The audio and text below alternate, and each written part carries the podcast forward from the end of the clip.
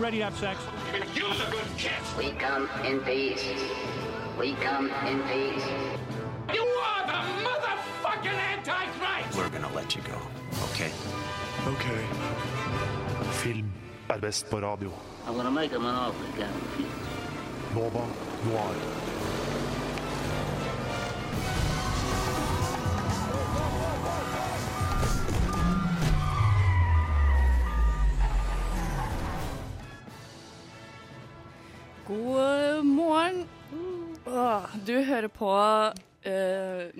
Noir på Radio Nova. Klokken er ti. Eh, mitt navn er Taleråd, og med meg i eh, studio i dag så har jeg med meg Miriam Angela Folland. Og Jawad Benhamo, Søp. som er tilbake i studio etter en lang eh, pause. Yeah! Kommet for å hjelpe oss eh, litt i dag. Eh, bak spakene så er det Simon Lima. Og hvis du hørte en litt annerledes eh, intro til Nova Noir eh, nå, så har du helt rett. Vi har lagt på noen billyder for å matche temaet vårt i dag. Ja. Bil på film. brum, brum. Brum, brum. Skrit. Så det gleder jeg meg til. Vi skal anmelde noen filmer som uh, har bil i seg, og noen som ikke har det. Vi skal snakke om The Dark Tower, eh, Baby Driver og Logan Lucky. Så det, jeg tror det blir en eh, fin, eh, spennende sending. Men eh, hvordan har dere det, Miriam? Bra. Bra. Uh, veldig bra. Elsker bilfilmer. Eller uh, Jeg vokste opp uh, med en sånn huge crush på eh, Paul Walker i yeah. den andre filmen. Veldig viktig. Den Too andre Fast filmen. Furious. Too Fast and Furious. Fader, jeg så den tusen ganger. Jeg ville ha skoene hans. Jeg ville, jeg ville liksom bare sånn Vil du være han, eller ligge med han? Det, jeg vet ikke, jeg var jo litt ung, så det var liksom kanskje akkurat i skillet der hvor jeg begynte å liksom gå over til å ville ligge med han. Ja. Begynte som jeg vil være. Jeg vet ikke. Det var liksom Det var veldig kult. Jeg så den sånn 42 ganger, kanskje. Kanskje. Rundt 42. um, ja. Ja. Så bilfilm Ja, det er vel ikke bare den da som ligger veldig dypt i Ja, okay. min eh, oppvekst, men eh, veldig kult med bilfilmtema. Jeg gleder meg. Hvordan har du det, Jawad? Hvordan er det å være tilbake igjen i studio? Ja, det er det funker, ass. Det er ganske, ganske weird. Det er litt sånn, Kommer inn i gangen igjen tilbake på Nova, og så halvparten kjenner meg igjen, og halvparten spør meg helt ny. jeg har liksom brukte tre år av livet mitt på å jobbe så jævla mye. Nei, men det er funnet å være tilbake i studio. Uh, lurer på om sist jeg var i studio, var kanskje akkurat et år sia. like før semesterstart i fjor august. Mm. Eh, så var det digg å være tilbake. Uh, fett med å feire jubileet mitt med å gjøre det samme gamle. Si. Du har jo gått på skole med uh, Ikke med, men på samme skole som Helena Bonham Carter har gått på. Oi. Og Emma Thompson Oi. og Sasha Berry Cohen. Mm. Og samme læreren har undervist også liksom Dean Gilmore. Jeg, jeg, jeg, jeg visste ikke hvem Dean Gilmore var, før Det læreren min står der og forteller om at han underviser Dean Gilmore. Okay. Eh, men ja, jeg gikk på teaterskole i Frankrike Veldig kult. under Mm. Philippe Collier. Så det du har drevet med siden sist, liksom? Um, ja. Ja. Stått der og sugd på scenen, oppsi. Ja, spennende. Hvordan går det med deg, Tale? Ja, takk, takk som spør. Det går fint med meg. Eh, Litt sånn eh, treigt å komme i gang etter ferie og sånn, Mm. men eh, det føles bra. Det føles veldig godt å være, være tilbake igjen her. Eh, Jeg gleder meg, å ser frem til eh, denne sendingen. Vi fikk jo en liten prøvestart Ja, på tirsdag. vi. Da vi hadde utesending eh, på Chateau Neuf sin festival for fadder faddere og nye studentfestival, studenter. ja. studentfestival. Mm. Uh, og hvis du vil høre det, så kan du jo gå på Facebook-siden vår, eller på Ja, SoundCloud, iTunes. ja, iTunes, der hvor du finner podkaster. Så Ja. har vi en liten 40 minutter live for publikum-sending på, uh, på Chateau Neuf. var Noir eh, After Dark. Ja. med, med quiz og det hele. Ja. Nei, men det, det ble bra, altså. Mhm. Nå tror jeg vi skal gå over til en sang. jeg. Eh, har lyst til å høre Lekende lett med I sommer. Let's see it. Oi, koselig. Eh, der hørte vi altså først Lekende lett med I sommer, og så var det jo selvfølgelig Janis Joplin med Mercedes-Benz, bare sånn for å komme i gang med bil, biltemaet vårt. Så jeg liker det mange bilsanger, og det Ja, her det blir gøy. masse. Nå tror jeg vi bare setter i gang med ukas eh, filmnyheter.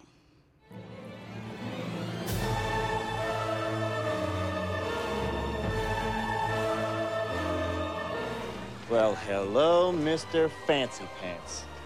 I got news for you, pal. You ain't leading but two things right now Jack and shit. And Jack left town. Nova Noir gir deg ukas filmnyheter.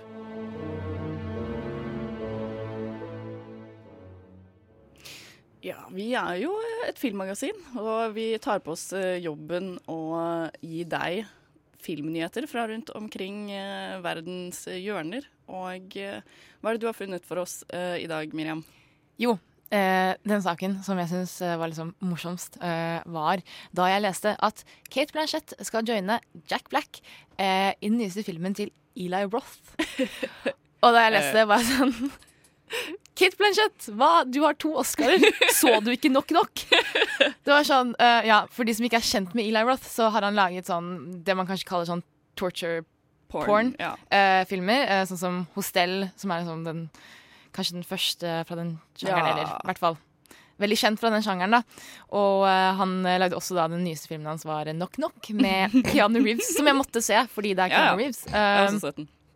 men den er jo helt Du ridiculous. burde, altså, man burde jo se den, Ja. jeg, fordi det var helt katastrofe. Ja, men, men det jeg ikke er glad er det liksom Er det satire på sånn type film?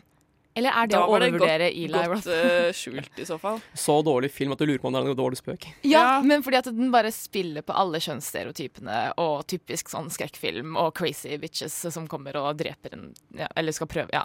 Men sånn, jeg har jo Jeg liker jo egentlig Eli Roth litt. Altså, eller sånn er det, Jeg er jo veldig um, skrekkfilmfan, liksom. Og han er jo et litt sånn spennende navn å følge med på, da, føler jeg. Sånn, for det kan Det er jo ganske ofte med skrekkfilmer generelt at det kan gå eh, veldig bra, og så kan det gå Mm. veldig dårlig. At han bare har hatt litt sånn uflaks, på en måte. da. Mm. Men sånn, han er jo en av de mer etablerte navnene på en måte i skrekkfilmsjangeren. Altså, Så jeg liker godt å liksom følge med på han, så jeg gleder meg til den. Hva var det du sa den het? Jo, jeg, jeg sa det ikke. Men uh, den heter The House With A Clock In Its Walls. Og det er en Litt eh, kronglete. Ja, men det er en adaptasjon av en eh, sånn eh, gotisk horrorbok fra 1973, skrevet av eh, John Billers. Billers? Ja. Mm. Men er boka Og- og- stor i måtelig horrormiljø, da, eller? Jeg tror det. Uh, og den uh, handler da om en gutt som ikke har foreldre, som skal bo hos tanten sin, uh, nei, onkelen sin, som eh, viser seg å være en heks. Og det er da Jack Black som skal spille den onkelen. Og først så var jeg sånn Hæ, er Jack Black onkelen? Og Kate Blanchett er heksen bak onkelen? Men nei, Kate Blanchett Ja. er naboen, som Ah. også er en venn som er en heks. Uh, Det hadde vært litt gøy om de spilte samme karakter. Da. Det, Det hadde hadde vært eh, dritmorsomt. Ja, uh, men nei, dessverre. Ja.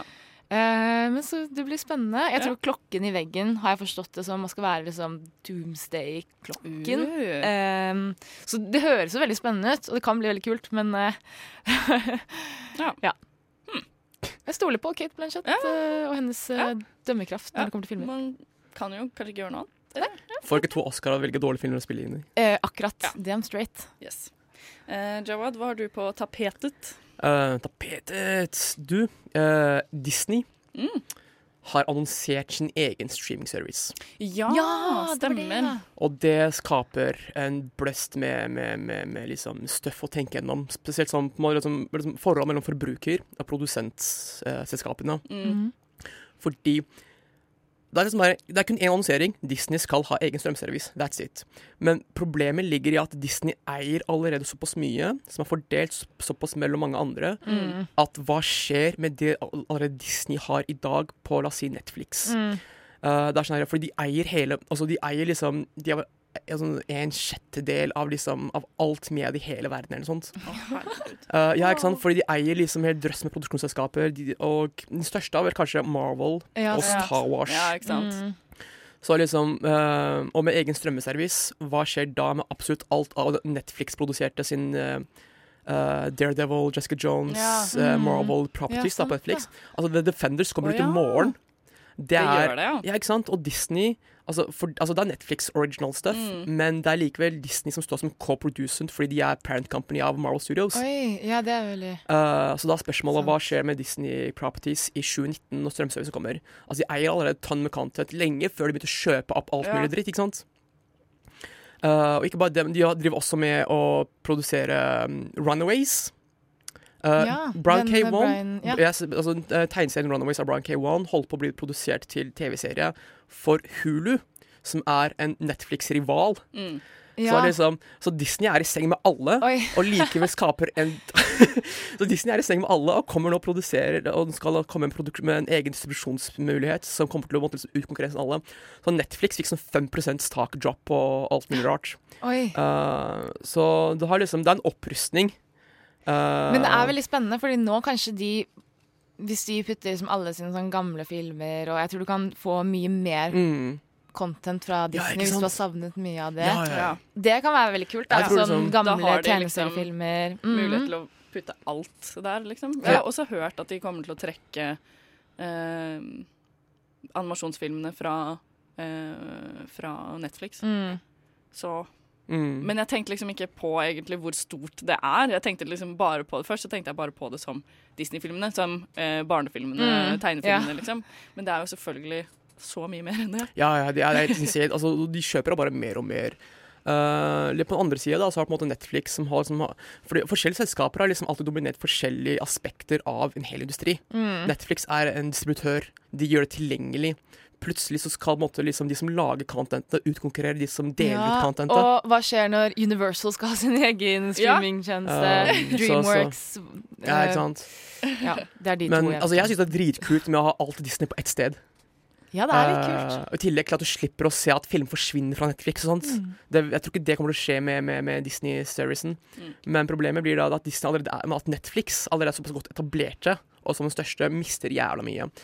Uh, og så er det, liksom, det funker med at originalavtalen, spesielt da, la oss ta The Defenders-greiene. Uh, Originalavtalen var til fire solosesonger, og så én Defenders. Men de, den har allerede blitt måte, ekspandert med The Punisher og mer Elektra og alt mye rart. Ja. Så liksom Du har allerede drøss med planer for neste par årene, og likevel så kommer det et eller annet midt oppi der som skaper så mye drama. Men, men tror du ikke at dette kan gi dem også enda mer eh, ressurser til å utfolde disse universene, siden de har så sykt mange universer som de skal ja, Det er ut? ikke- Og da når de har eh, en egen streamingtjeneste, så får Mm. de Sånn som Netflix gjør da hele tiden nå. At de bare ekspanderer og ekspanderer. Mm. Så det kan jo komme veldig mye bra content av det. Det har jo gjort det på Ja. Netflix. Ja. Jeg, tror, jeg tror det er en god ting for Jeg tror, jeg tror forbrukeren tjener mest på det. Jeg tror vi trener mer enn vi taper, men spørsmålet er hvor er det vi måtte liksom Hva mister vi, hvor da, og når da? Uh, og Og hvor dyrt kommer det til å være? Fordi ah, nå har man HBO, man har Netflix, og noen har sikkert Hulu, eller kanskje ja, i USA. Netflix Så, akkurat så har man det. eh, prisene sine med ti kroner, så mm. Mm, så det Ja. det blir dyrere. Men den igjen, de, tjener, de taper jo veldig mye penger på eh, Filmindustrien taper jo veldig mye penger på streamingtjenester, så er det så mye å betale, egentlig, Nei for da. å få Nei hele da. universet? Ja, Nei da. Men det er jo det som er på en måte dumt, er jo at de har greid å gjøre det sånn at du ikke greier deg uten alle sammen. At du liksom Jeg føler i hvert fall det at jeg har både ja, Viaplay, HBO og Netflix, liksom. Mm. Fordi at jeg føler at de utfyller hverandre. Fordi det er ikke helt nok én og Du vil bare se én. én film, men med en gang får på ett sted som man har på andre. Ja. Mm. Så betal tre dommer. Ja. Men en liten sånn Segway fra eh, Eller det med Marvel-universet, da. Så har jo jeg fått med meg nå at eh, Det kom jo faktisk eh, nyheter om det i fjor, at det blir eh, Jessica Jones sesong to. Mm. Uh, men jeg fikk ikke med meg det før i går, Å, ja. faktisk. Så jeg ble veldig glad da. Fordi Ja, at jeg trodde at det Tennant ikke annonsert. Ja, Ja. men fordi jeg trodde at det ikke skjedde i det hele tatt, og ble dritlei meg. Og, men så skjer det. Og i tillegg så uh, er David Tennant spottet på, på um, settet. Oi! Så det kan jo bli litt uh, interessant. Det er gøy. Men det spørs nok kanskje om det ikke bare er i forbindelse med sånne flashbacks hun har på grunn av PTSD og sånn. Jeg har ikke sett serien, jeg, men bare sånn viben av serien. Jeg klarer ikke å se for meg David Tennant Tennant i den viben. Eller? Det var så Jessica! Åh, herregud. Nei, du burde se det, Miriam. Ja. Det er kjempe, kjempebra. Jeg syns det er uh, liksom Du rekker å se den før i morgen når Defender kommer. Beste av de liksom Uh, Holdt på å si spin-off-seriene. Okay. Ja. Mm. Noen andre så, eller noen som vil uh, ta opp noe mer? Um, det var et dødsfall oh. uh, på Deadpool 2-settet. Yeah. Oi. Yes, det er en stuntkvinne som uh, spiller for uh, Hva heter henne? Hun, hun spiller for, altså Karakteren Domino i Deadpool har en stuntwoman, og hennes navn har jeg på et papir her foran meg. Nå hører du papiret rusle. Skal vi se. Uh. Her har vi den. Joy S.J. Harris. Hva skjedde? Uh, the incident occurred Monday morning in downtown Vancouver when a stuntwoman lost control of a motorcycle and crashed into the Shaw Tower. Off. Oi. Og her greia at Hun var den første African American female professional road racer. Nei. Ja, så det var liksom uh, Det er noen filmer hvor du har liksom uhyre mange dødsfall. Hvor du ikke hører om noe som helst. Sånn- Jeg tror det er Triple X hadde sånn seks dødsfall eller noe sånt. Ja, ja, den første Fordi det var første tanken min at det her hører man nesten aldri om. Ja, ja, men det er ikke Men er, jeg føler at liksom, i nyere tid da, kan det resurface oftere og oftere at uh, det er ofte ganske Vi betaler dyrt, eller andre Ja. betaler dyrt for vår billige kinobillett noen ganger. Uh, for underholdning vi får. Uh, så da måtte, ak akkurat den her er blitt litt blest opp fordi hun var veldig kjent fra et veldig spesifikt miljø. Okay. Ikke sant, Som en road racer. Mm. Men, så, men igjen så måtte hun er stuntwoman, og de går inn i kontrakter hvor Mm. dette er godt allmennkjent at det forekommer. Og det har skjedd nå på Deadpool 2-innspillingen. Uh, så ja. Det Det var veldig trist Ja. sånn slutt på dette stykket. OK, jeg har to Eh, li litt kjappe. Litt uh, Jeg syns jeg er Litt glad mindre triste. Ja, litt mindre triste. Litt gladnyheter. Men nå har M. Night Shyamalan sagt at det blir Unbreakable sequel ja, som skal hete Glass. Og det er vel eh, Så du Split? Jeg gjorde jo det. Jeg har også sett den. Har også sett den. Jeg har sett den. Ok. Ja, og det blir vel eh, heller sannsynlig at um, Hva er det han heter igjen, da? Jeg husker aldri hva han heter. Bruce Willis. Kevin? Kevin, ja. Er, er, det, jeg husker, er det ikke det han heter? Jo, men sånn James skuespilleren- McAvoy. Ja, James McAvoy Ok, Ja. eh, kommer til å være med. Og Ja. eh, det blir vel eh, Bruce Willis og hele gjengen. Jeg tror det blir bra. Tror du hun kidden fra Split? ja, hun kommer. Dette var nyheten jeg, jeg, jeg følte at jeg fikk med nyheten ganske tidlig. Jeg, Ah, jeg, jeg, sånn, jeg så den Ja. i mars eller noe sånt. Nyhetene. Fordi hun hadde altfor jeg er bare tydeligvis drit eh, etter alle. Men det var alltid- ferie, det har vært Nei, ferie, så det går bra. Jeg husker jeg så Split på kino, og på slutten av Split OK, Ja. dette er en Oi, spoiler, nei, ikke spoil, ikke spoil! man, det er ikke man, man ser at filmen Split blir connecta til Unbreakable Ja. filmen Split. Det er samme univers. Ja, ikke sant? Ja. Man, man, det, er- det er så På slutten av filmen så ser man at den filmen knekker Unbreakable. Ja. Og så går det sånn tre uker eller sånt. Jeg tror det var uka etter DVD-releasen i våres Ja. at han annonserte det, tror jeg. OK. At- Ja, da og er det bare jeg som ikke følger med. Han lista opp alle karakterene på sånn svær annonsering Okay. eller sånt. ja. Apropos den slutten, var det den lameste twisten noensinne? Jeg syns det var gøy. Ja, men det var liksom sånn Det var litt sånn Når du forventer Emna Night Shyamalan-twisten, Ja, ja. så var den litt nedtur. Det var sånn OK, ja, det var litt gøy, men Marvel hadde allerede gjort den greia der. Ja, men jeg syns det var veldig gøy. Faktisk. Jeg husker uh, at uh, Nei, ja, jeg syns det var gøy. Nei, Jeg syns James McAvoy spilte såpass imponerende Han godt i gjorde den det. filmen Det var det beste med den At, filmen. liksom, at twisten jeg, jeg, det, er ikke, det er ikke viktig for meg om twist Nei. lenger, Emna Shyamalan, når jeg fikk se James McAvoy være så dyktig. Ja, Men filmen i seg selv Ja, enig. med, enig. Men James McAvoy definitivt Ja, verdt å se filmen ja, ja. av han. Det var kjempekult. Helt insane. Det blir, det blir gøy å se mer fra det universet, på en måte. For jeg mm. syns det er et ganske sånn spennende univers. Ja, ja. Um, og at vi ikke har sett det beste derfra enda. Så det blir gøy. Uh, Bitte liten også. Ting til. Eh, så er det Robert Rodriguez som skal eh, reboote, eller gjøre remake av uh, Escape from New York. Hvis det, noen, det sier noen noe. Mm, mm, nei. Okay, det sånn veldig Educate me. Eh, veldig kul. Eh, tror det er John Carpenter-film fra eh, 80-tallet med um, Russell eh, Hva heter han, da? Russell Crowe. Nei. Brand, nei. Russell Brand? Kurt, Kurt Russell. Russell. Takk, Simon. Der var den. Uh, hvor han spiller sånn Snake Plissken, sånn ultrakriminell uh, fyr som blir hyret av FBI for å redde, uh, redde presidenten, som er fanget på en sånn Manhattan har blitt sånn fengseløy, hvor det bare, de har stappet alle de kriminelle inn der. Presidenten er der. De har hyret liksom, den mest kriminelle kriminelle til å redde han igjen. Og så blir det remake av Robert Rodriguez. og Når det er originalen fra? Oi, det hørtes kjempekult ut. Eh, 80... 80-tallet en gang. Jeg Altså, ikke. det blir sånn- det blir skikkelig sånn parodi på sånn gammel klassisk jeg blir 80-action. jævlig bra. eh, Og han, Rodriguez jobber jo ofte med Tarantino, og er liksom den Mm. feelingen. Og nei, jeg tror det blir bra. Så jeg gleder meg masse. Mm. Så da tror jeg vi eh, sier stopp for nyheter for denne gang. And that's the way the news goes. Det var eh, Nocturnal Tapes med Wake Up. Eh, nå har jeg lyst til å snakke om noe helt spesielt. Uh, for det er jo nemlig sånn at vi har lever litt sånn i limbo fra tirsdag til eh, søndag eh, for tida. Fordi på natt til mandag så kommer det jo ny, nye Game of Thrones-episoder. Uh, og i løpet av mandag også Rick and Morty-episoder. Så Mm, det er yeah. liksom spennende, spennende tid.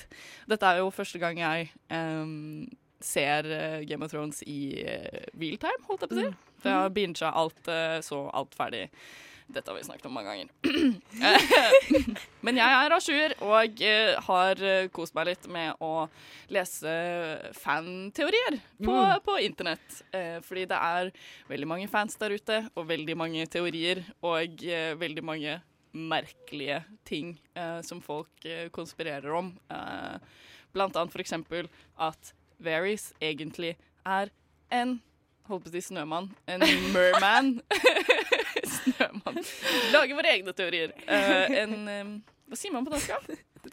Havmann? Snømann. Da tenkte jeg snømann, Unnskyld, bare snømann. Fordi man har The en Night King, som er sånn ismann, liksom. Så er det bare sånn The degenerate brother of uh, The Ice King er snømann. OK.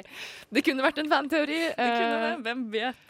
Eh, men altså at Varys er en merman, eller en havmann, fordi liksom argumentene som folk trekker opp, er at eh, Han ikke har penis? Er det det, liksom? Nei, men at han bare er sånn sneaky og driver og dukker opp overalt hele tiden. Fordi han svømmer under vann og kan liksom eh, transportere seg veldig fort eh, til forskjellige byer. Sånn dårlig skriving av Gøran til Svaman, liksom.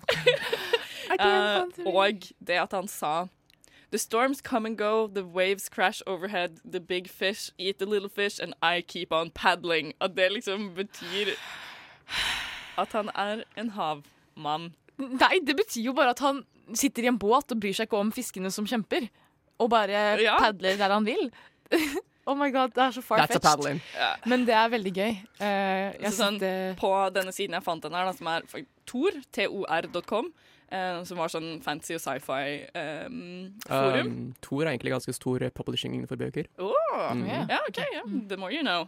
Jeg hadde ikke hørt uh, om det før, men det var i hvert fall der jeg fant den. Og så sto det, hadde den delt opp uh, i sånn eh, hvorfor teorien er riktig, og hvorfor teorien er feil. Og på eh, hvorfor teorien er feil, så står det bare Pff, Varys is a merman and nothing is wrong. OK, okay solid eh, confirmed. ja, solide argumenter.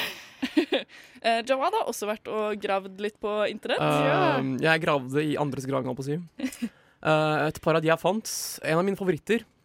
At Tyrion Lannister egentlig er Tyrion Targaryen. OK, ja, fordi den har jeg også hørt. Ja, det er den. Eh, At, liksom, at liksom, han, han, han ble hata såpass mye av faren sin, ikke fordi han var, var dverg og drepte liksom, sin mor han ble født. Men Ja. når folk rekker opp hånda i studio, OK, greit, hva er det? ja, det Tale, er jo vær så sånn man signaliserer på radio. Nå brøt du den fjerde veggen. Ja, men snakk, Ja, Tale. snakk ferdig, du. Ja. Si setningen ferdig, men jeg har et innlegg. Apparently. Uh, men ja, at, liksom, at noe av det hatet fra far til sønn da, er ikke bare fordi han er dverg, men også fordi at han egentlig er et barn av The Mad King Eris, fordi Eris drepte Nei, eh, voldtok uh, hans mor. Uh, Ja, det er sånn, Jeg ser den, men hadde det ikke vært Du ser voldtekten, liksom? Nei, nei, ja, jeg ser det veldig for meg. Men sånn, uh, hadde det ikke vært mye morsommere hvis eh, både Jamie og Cersei egentlig var eh, Targaryen, og at eh, Tyrion var den eneste ekte Lannister-barnet, og liksom arv, tronarvingen etter Ja. Eh, Det hadde jo vært uh, Og kanskje han hater han derfor, fordi han sånn My only child. Ja.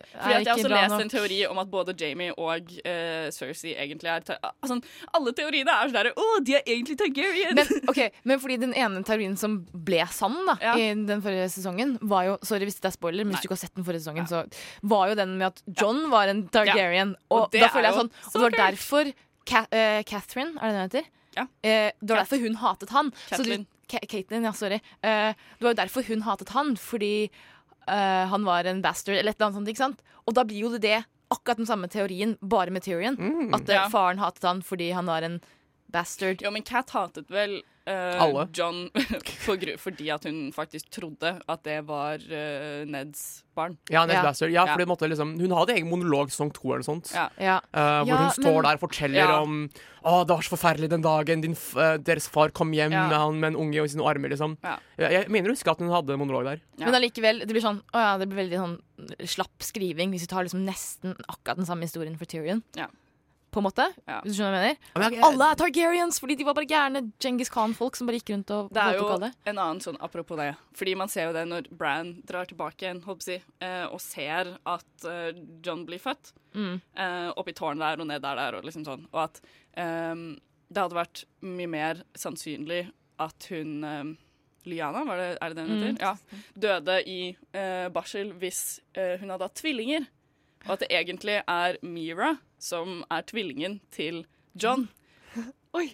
Fordi da blir det de Det blir John, Daenerys og Mira som er liksom den trehodede dragen, på en måte. Og så masse sånn. Ja, sånn jævla det en drageridder hver, på en måte. Apropos drageriddere, jeg hørte at den ene drageridderen er en teori om at det er, du har John, Daenerys, og så at okay. The White King er den tredje drageridderen. Ok, Ja. Den har ikke jeg hørt. Ja, for jeg har hørt at Tyrion er den tredje. Ja, det har jeg også hørt. Men uh, White King, det er veldig farfetched. Altså, men, okay, ok, vi, kan spoile, vi kan snakke om den forrige episode. Ja, ja. Okay. Kan vi? Kan Ja. Ja, for du har den ene scenen ok, John Snow ja. klapper på dragen, liksom. Dragen kom ned og var sånn Hei, du, hva Ja. skjer? Ja, men vi vet jo at han er en dragon. Ja. Liksom. Og jeg har også hørt at, um, at Bran kommer til å liksom bli en drage. Fordi sånn Fysisk, ja! Ja, sånn fordi han derre tre, mannen inni treet var sånn herre You'll never walk again, but you will fly. Eller noe. Ja. Sa han det? Det glemte jeg. Wow, Ja, men da, da er det ja, åpenbart han Han flyr som ram. Han flyr hele tiden som ram. Ja, Å, ja. faen. Ah, Free Ad Raven. Det sant. Apropos sant. der har det mye, mye juicy stuff. okay. Um, jeg fant sånn 15 forskjellige teorier på Bran, liksom. At liksom At fordi Bran kan gå tilbake og kommunisere med fortiden For det er den ene scenen hvor han måtte gå tilbake og se liksom Ned Stark Ja. hente Johnson og sånn. At han skriker, og, og at Ned Stark Ja. hører han. Mm. Og så har han hatt teorien om at The Mad King hørte hvisk, whispers. At det helt var Bran som prøvde å få der, uh, Mad King til egentlig forandre meninger og gjøre dem bedre. og alt mye rart At Bran dro tilbake, men det kom som hvisk istedenfor total overbevisning om at egentlig han faktisk hørte noe hele tida. At det var Bran han hørte. Jeg digger det. Jeg syns det er sykt fett. Og som fikk han til å bli The Mad King. Ikke sant? Liksom. Samme har du med at uh, veggen, The Wall, Mm. at liksom den er laga av Brand the Builder. Ja. At mannen Brand, som Brand er oppkalt etter, er egentlig han selv. At han dro tilbake i tid, bygde veggen. Ja, men Og også at han var en White Walker. At Bran, er en White Walker. Jeg vet ikke og på Nei, nei, men fordi da passer du inn i den teorien om at The White Walkers egentlig bygde veggen. For Ja. det er en annen teori. Uh, at de bygde veggen for å beskytte seg Ja. mot de slemme, levende folkene på andre siden. For de er jo crazy og kriger hele tiden. Ja. Mens The White Walkers de bare går rundt og er døde. Ja. Og det er jo også sånn sykt det, Eller eh, ja, teori om at um, John kommer til å bli uh, den nye Night King, liksom. Etter Fordi at uh, White King eller Night King? Night King Den heter Night King. Ja, Night, Night King. Ja, han iskongen. The White, er ikke The White King? Nei, det er Nei. Night King. Eh, fordi de han som er nå, egentlig var den 13. Lord Commander uh, over uh, Night's Watch. Night's Watch. Og at det må liksom eh, repetere seg selv. Det kommer til å liksom eh, bli en sånn Ja, som profesi, på en måte. Eh, profeti. Eh, og at det kommer til å b b gå i sirkel Oi. når John etter hvert tar over som den nye Night King. Oi, Men blir de snille da? Nei, det tror jeg ikke.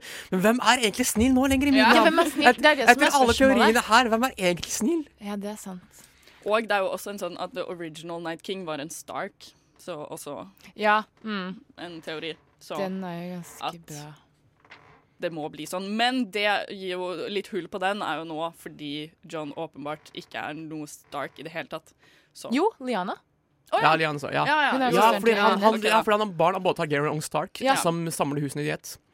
Uh, apropos uh, Miss Sunday Mm. is a faceless man, Ja. leste jeg. Og den leste jeg, men den er veldig farfetched. Den var Vet, nei, vet du hva? Jeg syns ikke det. Fordi det brukte såpass mye tid på Arya Stark og hennes tid. ja, fordi de kan ikke Ja, bare du, gjøre du, du det. har skapt et helt Ja. egen mytos blant en, liksom, en faction, som er The Faceless People. Enig. At liksom At det har kun to sesonger halvveis med Arya Stark som en side note. Jeg føler liksom at jeg, altså, når Aria Arya Stark først dro til en sånn jævla by, jeg tenkte yeah, shit, endelig, fuck Arya Stark, my favorite, liksom. Altså, jeg var ikke så fornøyd med, med egentlig det som skjedde, men likevel ekspanderte veldig mye på en mytos som ga meg såpass mye at dette er jævlig kult å se mye av. Men tror du ikke det bare er for at Aria sin historie skal gå veldig langt? Hva er Miss Sandy, hva, hva er det hun har gjort? Hun har vært en slave som Oi, unnskyld for den pipingen. En slave som uh, uh, Daenerys frigjorde. Hvorfor skulle hun vært en slave hvis hun var en face? Altså sånn Ja. Det hva, Ja, ja. er er- Arya Stark var fuckings gal som en blind og alt mulig rart. OK, ta beklager. beklager. Jeg rakk faktisk opp hånda.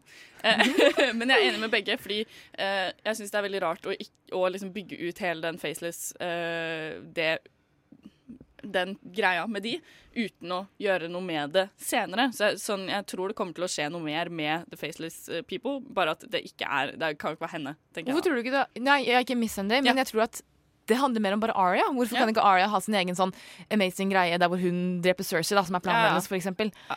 Tenk om liksom, det ender opp med at det alt ender i Aria, fordi hun har gått gjennom hele den reisen her. Jeg vet ikke. Og hun er Jeg badass. Ja, jeg synes det er litt gøy å ha tilbake. Jeg følte at de skapte noe der som de ikke fullførte helt riktig, Men bare én karakter. Jeg vil se Ja. henne tilbake. Hvem da? Han derre kjipe Er ikke nødvendigvis han, men den mytosen han er en del av. Men Aria er jo en del av den. Nei, hun, hun, hun stakk av og brøt alle lovene og reglene, og så forsvant tilbake til Westeros for å kunne bruke at hun har lært mot noe helt annet enn det hun er laga for. Det er sant. Uh, derfor hadde det vært kult å se den faction, eller deler av den faction, også være en del av Westeros, fordi de var såpass mysteriske. De var ikke kjipe, da. Jeg veit, det er det som er så kult! Jeg tror vi blir nødt til å sette en eh, strek der. Ja, selv da om har jeg jeg, kunne da, jeg har en ting, Hvis jeg setter strek, okay. så vil jeg en ting. Jeg leste en Min favorittteori er at nå Papirene mine liker ikke hva det er, skal se. Dragon glass is pooped out by dragons rather than just being obsidian. At dragon glass egentlig er uh, dragon shit. Uh, at det er et helt tårn fordi det var der de nesta de, Jeg syns det er den kuleste teorien absolutt alle sammen. Ja, men den har jo så lite å si. Det, er sånn, det, det går helt fint. Det er jo Det er jo, det er, dette er worldbuilding. Ja. Du skaper et univers som du koser opp i. Ja. Fordi glasset er laget av sand, og bæsj blir til sand. Ja. Er det det som er teorien her nå? Nei, det er bare De, de kan fint eh, pupe glass eh, rett ut fra uh, ja, det kan de sikkert. De er magical. Ja, jeg tror vi kan Nå Det er det beste. Det er nok. Det er den kunne sikkert holdt på en stund til, men eh, jeg har lyst til å høre mer bilsanger. Så nå eh, har jeg lyst til å sette på eh, The Beatles med 'Drive My Car'. Ja. Det var Beatles med 'Drive My Car', og nå går vi over til ukas kinopremierer.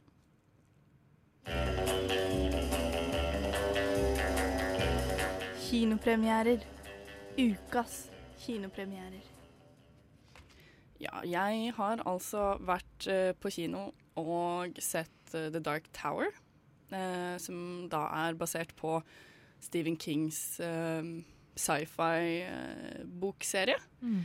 Hvor eh, ja, det handler vel om eh, en tenåringsgutt som begynner å drømme om et annet univers, og blir eh, etter hvert dratt inn i dramaet der, i det andre universet. The tower is all that stands between light and darkness. For thousands of generations, the gunslingers were knights, sworn to protect it. Now I'm the only one left. Tower will fall. Get used to the carnage. Now the wars come to Earth. You really think you can stop me, gunslinger? Ja. Um, jeg vil bare si først og fremst at jeg ikke har lest bøkene. Nei. Men det er egentlig litt fint. Da har vi et veldig sånn Ja. bare filmatisk Ja. perspektiv på det. Uh, Uh. Men altså rett og slett handlingen er jo da at uh, Jake, jeg kan tenke meg han er sånn 14 eller noe Mm, sånt, um, lider av veldig sånne intense eh, drømmer. Og eh, føler at noen liksom prøver å snakke, kommunisere med han da, gjennom, gjennom de drømmene. Så er det jo selvfølgelig ingen som tror på han. Um, men så viser det seg jo at eh, de tingene han drømmer om, er sant. Um, han ser blant annet um, et sånt tårn som står uh, på en måte i midten av uh, hele universet og beskytter alle de forskjellige universene, blant annet vår uh, jord, Mm. um, mot the ultimate evil, på en måte. Mm. Men så er det jo en ond trollmann, Matthew McConaughey, som prøver å um, Sa jeg det feil, eller? Nei, nei, riktig. Det var morsomt. Ond trollmann, Matthew McConaughey. Eh, som prøver å um, felle det tårnet da, ved hjelp av um, synske barn som har liksom the shine. Uh, så viser det seg jo selvfølgelig at uh, det er jo Jake som har the ultimate shine. Som også er Of course. Ja. Ultimate. uh, som også er samme ord han bruker i The Shining, altså Stephen King. Så det blir jo sånn her veldig parallell i det her universet, da. Så Jake Bare easter eggs til sine egne bøker, liksom. ja, ja, ja. Og sånn Hele første delen av filmen var veldig sånn derre masse mm, proppfull av referanser til eh, andre Stephen King-bøker, eller filmer, da. Så det var veldig morsomt. Eh, men Jake teamer opp med Idris Elba, eller eh, The Gunslinger, som eh, blir liksom den gode, gode helten. Mm. Eller er han egentlig det? Så skal de liksom prøve å fighte Matthew McConaughey, som eh, ja, heter Walter. Veldig eh, lite mystisk Men har han ikke et trollmann-navn. Jo, navn eh, The Dark Man Nei, Man in Black. Nei, Ja, The. Man in Black. Ja, noe sånt. Ja. Så det her er Jeg syns um, overall at det er et innmari spennende univers, og jeg ble veldig nysgjerrig. Um, veldig sånn detaljert og uh, kult univers med liksom portaler til forskjellige dimensjoner og sånn ehm, Det er jo ikke tidsreising når det er gjennom Hva er det man kaller det da? Når det er uh, gjennom de, dimensjoner, bare. Sånn. Dimensjoner? Ja, på Ja, portal. hopping ja. Hopp, hopping, hopping. Så det er veldig Ja, fordi spennende. den Liksom. drømmeverdenen til Jake, det er en, et annet univers. Det er ikke liksom bare Oh, it was all Parallel dimensions, dream. Ja, liksom. nei. Hæ? Ok. Parallelle dimensjoner. Ja, Ja. nettopp.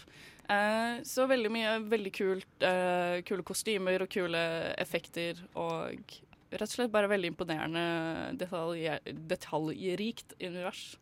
Ja, eh, jeg begynte jo å lese boka fordi jeg hadde lyst til å se filmen. Eh, men eh, eh, har ikke kommet så langt, eller halvveis. Og det, liksom, det inntrykket jeg har nå, er at det skal handle veldig mye om eh, eh, forholdet mellom Jake og Gunslinger, på en måte. Eh, og at Jake kanskje ikke har det så bra i sitt liv. Og eh, kan, følte du noe på det? Kan du kommentere noe på forholdet mellom dem? Var det noe kjemi eh, mellom skuespillerne? Var det Eh, han som spiller Jake, eh, Tom Taylor, er innmari flink. Eh, holdt på å si barneskuespiller, men sånn ungdom Det er ikke så ofte det, det er tilfellet, men jeg syns han gjorde en innmari god jobb. jobb. eh, han og Idris Elba har veldig god kjemi, syns jeg. Det var innmari gøy å se. Eh, så det er veldig mye om deres forhold, ja. Um, så er det jo også veldig eh, litt sånn typisk sånn Faren døde da han var eh, Ja, okay. liten. Eh, moren har funnet seg en ny fyr som ikke skjønner seg på han, egentlig bare vil kvitte seg med han. Eh, litt sånn typisk sånn vanskelig barndom, da. Det er veldig mange um, klisjeer. Ikke, ikke i form av liksom scener, men i form av liksom uh, plottet. Ja. At liksom synopsiset har altså At, at, at kiden for eksempel har mista faren sin, og stefar som ikke liker han, og Ja. alle, liksom, alle de tingene her. At han er 14 Bare det at han er 14 år gammel kid i Ja. seg selv, uh, og at han ser drømmer som ingen tror på. Det er sånn, hvordan altså, Legger du merke til at dette er utvanna klisjeer når du så filmen? Altså, det er jo litt typisk eh, sci-fi fantasy-intro, liksom. Uh, det er jo det, men jeg syns at eh, selve universet er så eh, kult, da. At det liksom overskygger eh, Mm. det. Eller, sånn ikke overskygger, da, men at det gjør litt opp for det. Men eh, jeg har satt veldig med sånn følelsen av at det her er den første filmen av flere. eh, og at dette liksom er veldig sånn introduksjon da, til, eh, til et nytt univers. Og da er det jo veldig sånn litt inn med teskje og litt sånn typisk sånn lider av litt sånn typisk første, første film i en eh, trilogi, for eksempel. Eller Mm. sånt. Ja. Men jeg lurer litt på da, når man ser sånne fantasyfilmer, um, så blir det ofte veldig sånn flashy, veldig mye sånn CGI-runk, hvis Ja. du skjønner hva jeg mener. Eh, følte du at den hadde en dybde, selv om det var en sånn type introfilm? Er det er, Ja. Den burde jo kunne stå for seg Ja. selv, selv om det skal lede opp til flere filmer. Ja. Um, Um, det er ikke for mye orgy, liksom. ja, det var en morsom uh, opplevelse, liksom. Mm. Uh, Og det er jo i og for seg um, en avsluttet historie, uh, bortsett fra at det liksom hinter til ehm, flere oppfølgere. oppfølgere. Så det går, eh, det går fint an å bare se denne, jeg syns det. Men jeg blir jo Jeg får lyst til å liksom utforske det universet mer, da. Mm. Eh, så jeg ble litt sånn Jeg fikk, ble sulten på mer, liksom. Det er alltid bra. Jeg fikk også litt sånn, derre- litt sånn uh, Ringenes herre-vibbe. Altså et stort tårn, Ja. flere folk, Mm. eh, liten unge, Ja. klare to ting. Bad sorcerer, good sorcerer. altså liksom øh, Ja, altså, jeg vil vel tro at altså, Stephen King er jo veldig produktiv, for å si det mildt. At han, han eh, kan jo ikke finne opp alt nytt sånn banebrytende hver gang han skriver noe, på en måte. Så jeg tror nok han har fått uh, tatt litt inspirasjon fra Ringenes herre, ja. Ja, ok, fordi akkurat det. Jeg leste introduksjonen til uh, Dark Tower.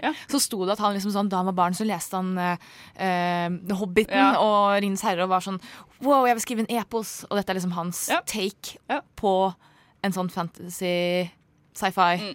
eh, greie da Så han legger ikke skjul på nei, nei. inspirasjon i det Nei, nei. hele tatt. Men, men, Men han gjør det på sin måte. Han trenger jo ikke å finne opp hjulet for å lage det Nei. bra. på Nei. en måte Tenker jeg. uh, men jeg sitter også igjen litt med den følelsen av at jeg kanskje ikke hadde likt den så godt hvis jeg hadde lest bøkene, på en måte. At det kanskje virker litt sånn ehm, overflødig.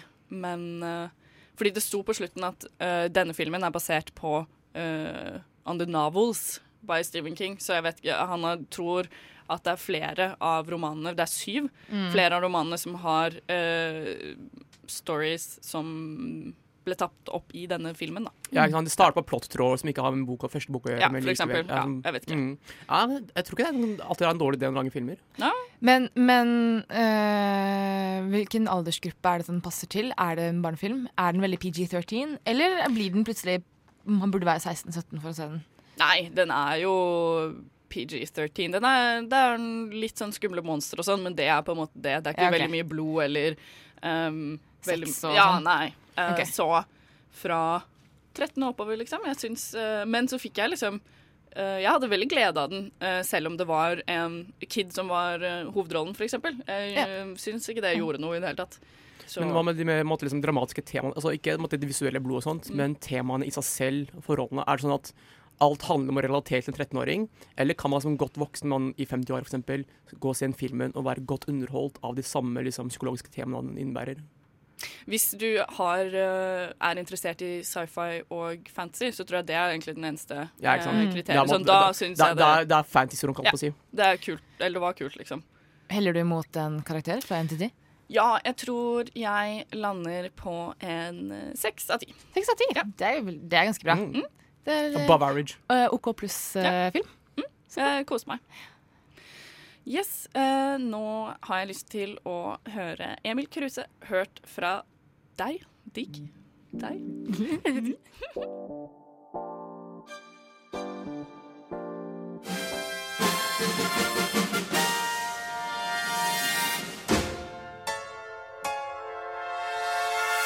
Lister.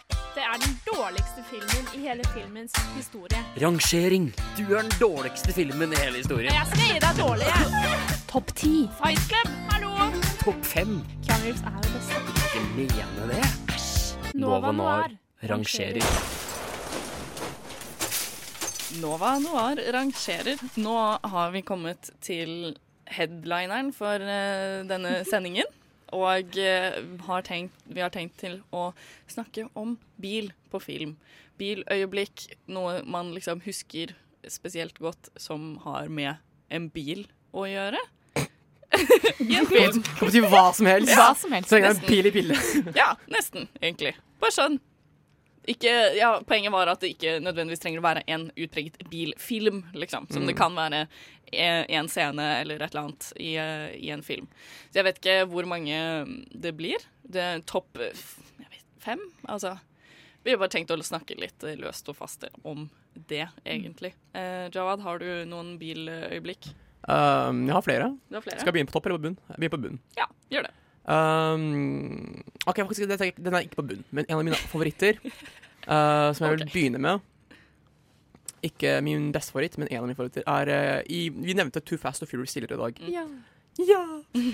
Um, og det er den ene scenen Altså For det første, Too Fast and Furious er kanskje den mest sexy bilfilmen. Uh, dette er det, altså av alle av, av, liksom, Der biler ser penest ut. Hvor, altså, du har liksom bedre Fast and Furious-filmer, men det er der hvor alle bilene er pimpa sånn visuelt. Det, det er noe de gjorde på toeren og treeren, men det droppa videre. Um, gjorde ikke så mye seinere, og fokuserte mer på, en måte, liksom, bilene seg selv. Men i To Fast and Furious det er der bilene ser penest ut, og den ene jævla scenen hvor de kjører to biler inn i en garasje, hvor det blir flyttet politiet, og så ut av garasjen kommer det 15 000 biler ut. Bare, og så ser du bare masse bilkjeks overalt. Ja. Hvor liksom alle skal hjelpe til. på Måte, det, fordi de to bilene ble på liksom, fulgt av politiet. Og det var en Ja, det var de, den lilla og den gule bilen som de fikk Ja, av politiet. Med sånn. Og så stjal de Han stjal selvfølgelig en Nissan Skyline, fordi det er den bilen hans. ikke sant? Ja, ja, Eh, så, så, ja. men er, en måte liksom, det er den bilen hvor Det er den filmen hvor bilene ser visuelt penest ut. Det er derfor den mest sexy bilfilmen. Uh, og jeg husker, jeg husker, når To Fast and Furious kom, og det var helt hype, og så kom Talker etterpå igjen. Det var også jævlig hype. Uh, Talker Drift også jævlig mange kule, fete, pene biler, men akkurat den scenen hvor alle bare kjører ut på en gang, da. Mm. Var så stort på en gang. Bare, Å, shit, hvilken bil skal følge med på, da? Alle er jævlig kule. Uh, Enig. så Det er det, er liksom, det er en av mine favorittbiløyeblikk. Mm. Men det er altså flere scener av den filmen der hvor, altså spesielt den første drag racen, hvor han faktisk kjører Nissan og ikke en gule, men blå Nissan Mm. sin. Det er altså allerede, Den starter allerede bra der, liksom. Ja, Så, sant, men flere av mine topp biløyeblikk er fra den ene filmen. Fordi de ser bra ut. Du, det er ikke bare kun kjøringa eller manøvringa, men også visuelle, som appellerer mye til meg om fargene. Jeg er veldig glad i mye farger. Jeg har aldri egentlig helt skjønt fascinasjonen med Fast and Furious-filmene. er det, altså Hvor mye av det er plott, og hvor mye av det er bil, egentlig? Men det er ganske mye plott, Fordi i hvert fall den andre så er det vel mye han de skal prøve å lure politiet. Men så egentlig så var de på lag med politiet hele tiden! Og så var det bare sånn wow, og så blir han forelska i hun politidama, eller de hadde en past sammen. Og så er det sånn Det er ganske mye plott, altså. Og Syns eneste grunnen jeg er enig i at det er ganske mye plott, er fordi den skriver det såpass rotete at det blir mye plott. er sånn, og så skal de gi bort pengene, og så er de bare sånn det det er «Øh, Vi skal ha pengene! Yeah, we ain't hungry either! Vi så traileren til Fast Furious 8, og det så jo helt krise Åh, ut. men den har jeg hørt er helt krise òg, da. Ja, men jeg har hørt Ja, flere altså, av de, da. det, altså, Nei, du, du, men, du, må, okay. du må ta hver Fast and Furious-film for seg selv. Okay. Altså, det går bra i de fire første filmene. Femmeren måtte liksom, Jeg syns femmeren klarer å avslutte mye. Og så bygger de på femmeren igjen, så bare ser jeg ikke helt mye av bygginga. Men kan jeg fortelle plott, eller liksom det som skjer i åtteren, hvorfor den er så dårlig? Eh, OK, eh, hun som spiller eh, skurken, en eller annen kjent skuespiller, hun stjeler babyen til Paul Walker. Og holder han som ransom fordi Ah, at eh, Vin Diesel Nei, vi må feil. Jo, det er sant! Det er ikke unge til Paul Walker. Eh, til, til karakteren til Paul Walker, da. Nei, til Vin Diesel. Oh, ja, til Vin Diesel. Okay. Holder den ransom for at For at han skal stjele en atombombe eller noe sånt. For ja, Det er bare sånn, det er så sykt far-fetched. Og det er bare sånn Åh, må dere roe ned. Det hørtes helt sjukt ut. Men uh, tilbake til filmøyeblikk. Beste biløyeblikket? Eh, jeg, et av min, en av mine favoritter er Det er jo Jeg vet ikke om jeg vil kalle det en bilfilm, men selvfølgelig Christine, som er basert på Ja, det er jo eh, bilfilm. Uh, Basert på Stephen Kings uh, roman med, ved samme, med samme navn. Um, den er fra 1983 og er regissert av John Carpenter og er en horror, eller en skrekkfilm, litt gåstein kanskje, som, hvor det handler om en bil som går amok og får liksom personlighet. Sånn, fordi det er en liten nerd fyr som eh, eh, kjøper eh, en gammel brukt bil, og så viser det seg at den har en curse.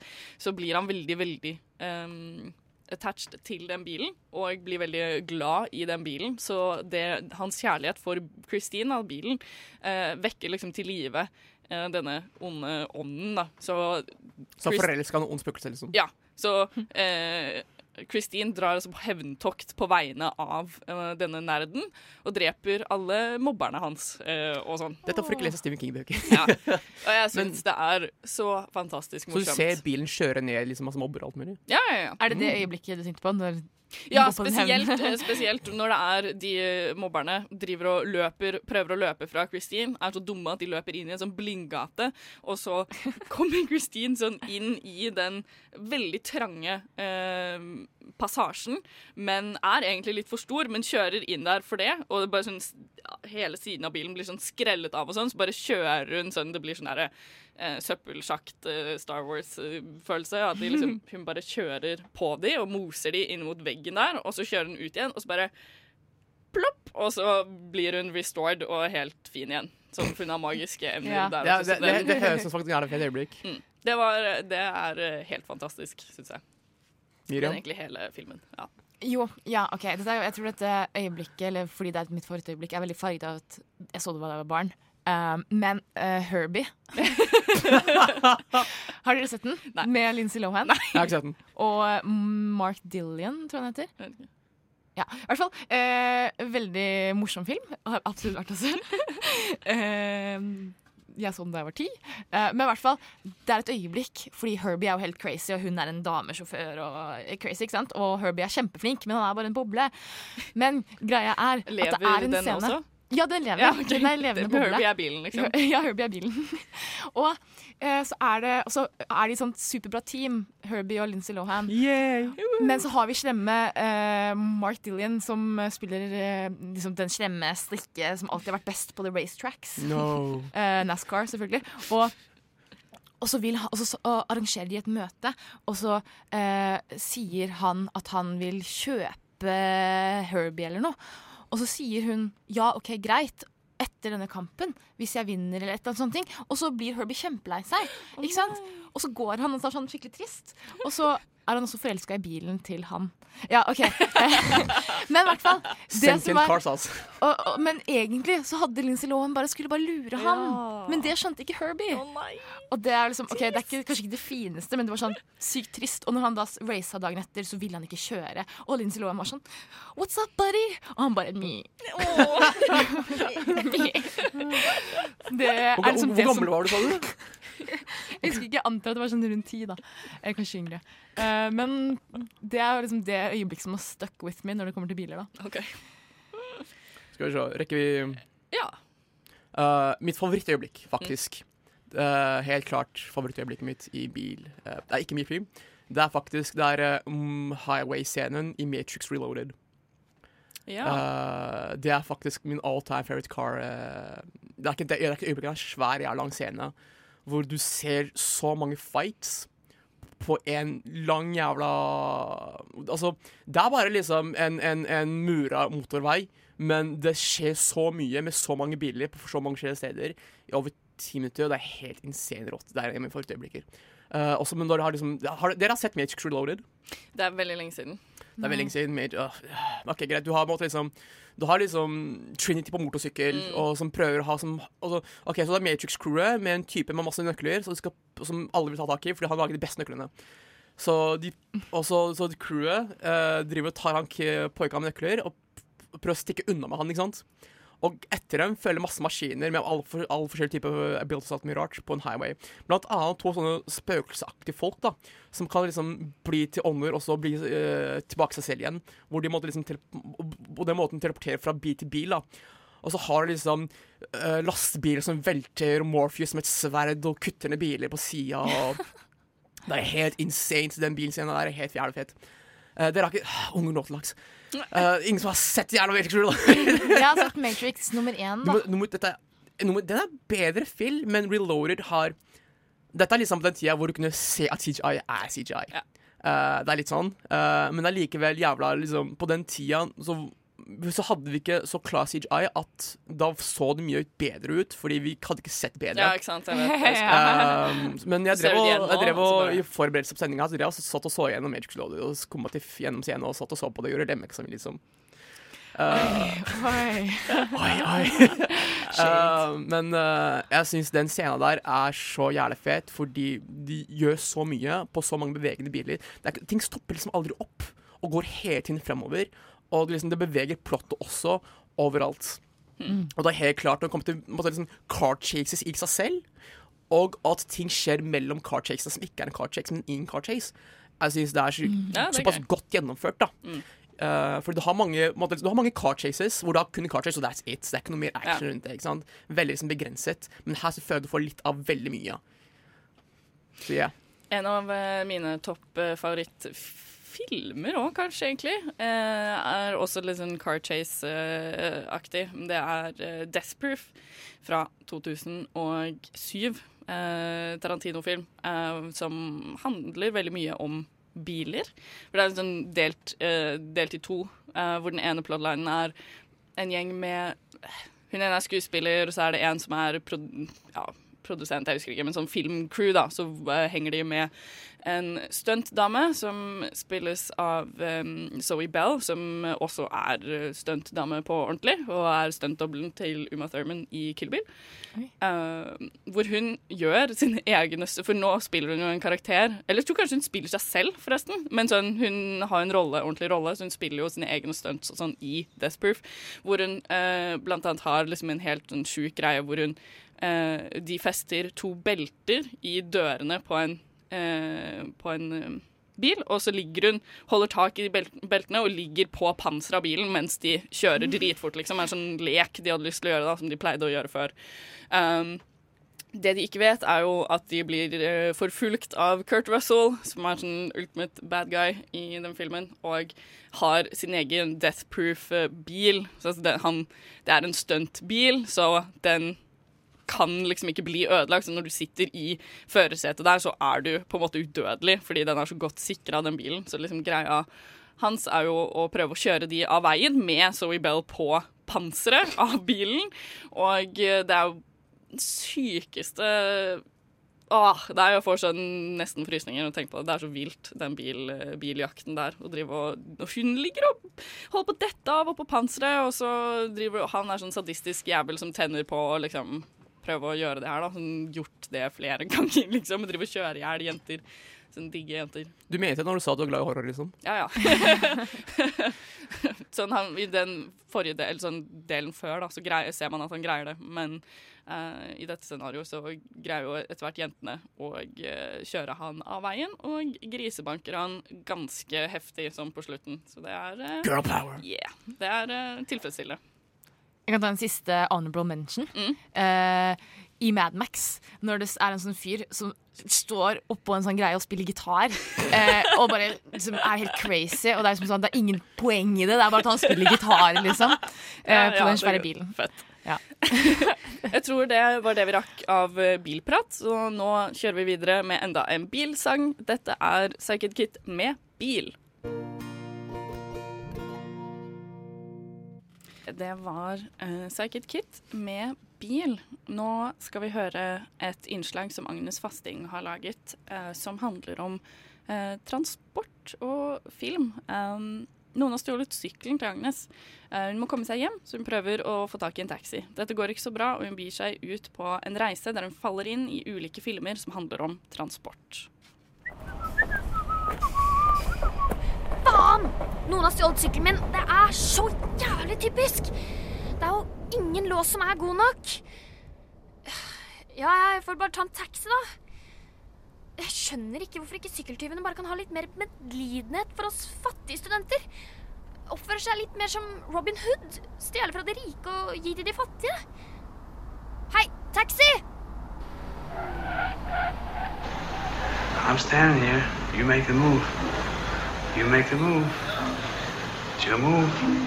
Hei, jeg bare lurte om det var ledig. Try it, you. Å, ah, sorry, mann.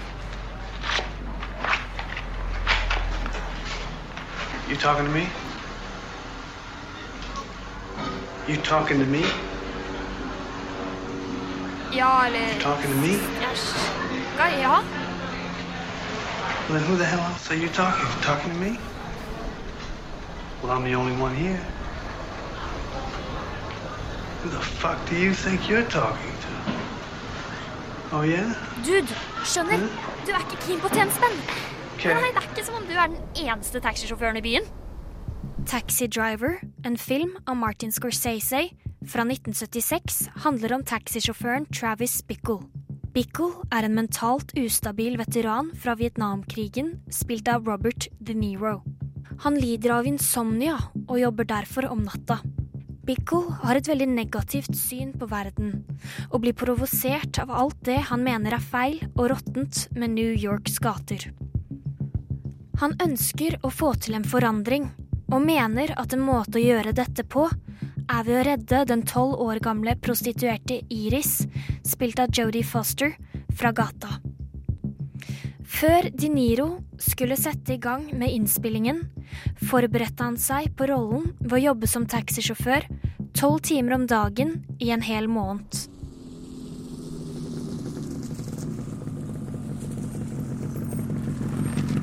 Hei, dude. Eh, noen har stjålet sykkelen min. Jeg bare lurte på om Kunne jeg få sitte på med dere, eller? Det hadde vært sjukt snilt om jeg kunne fått lov til det. Ja, jeg er ikke store saken, altså. Jeg lover ikke å ta så mye plass. What does he mean, dude? Dude ranch? dude. No, no. Dude means uh, nice guy. You know. Dude means a regular sort of person. Easy Rider fra 1969 er en film av og med Dennis Hopper og Peter Fonda. Den handler om to motorsyklister som bestemmer seg for å reise fra Los Angeles til New Orleans for å oppdage alt det Amerika har å by på. Og de oppdager litt av hvert. Fra ekstremt konservative til LSD-trippende hippier. Motorsyklistene er en viktig del av filmen, og ble spesielt laget og designet av selveste Cliff Waas og Ben Hardy. Tusen takk. Det var snilt. Lykke til videre.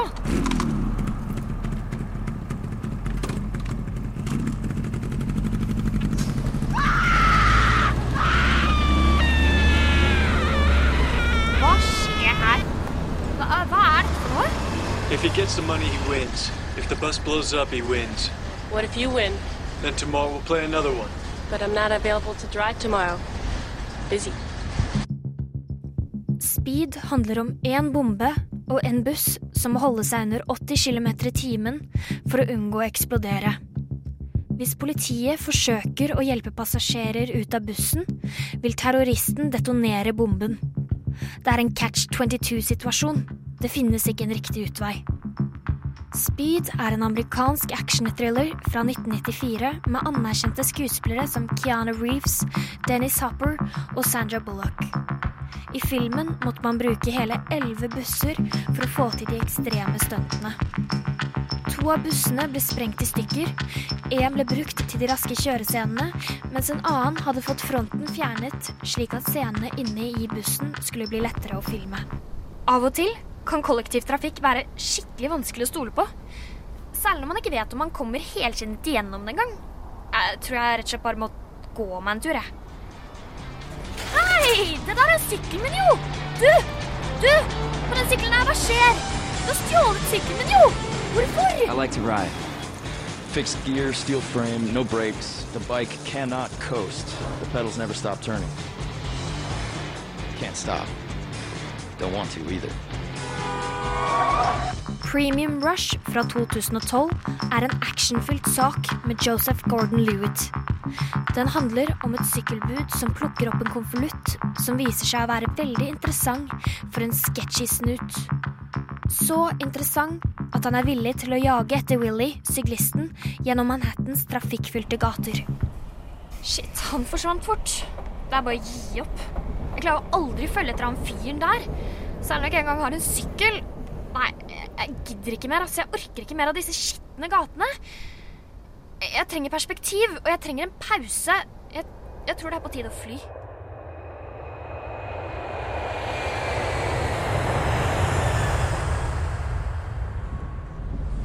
Are you in the airline business?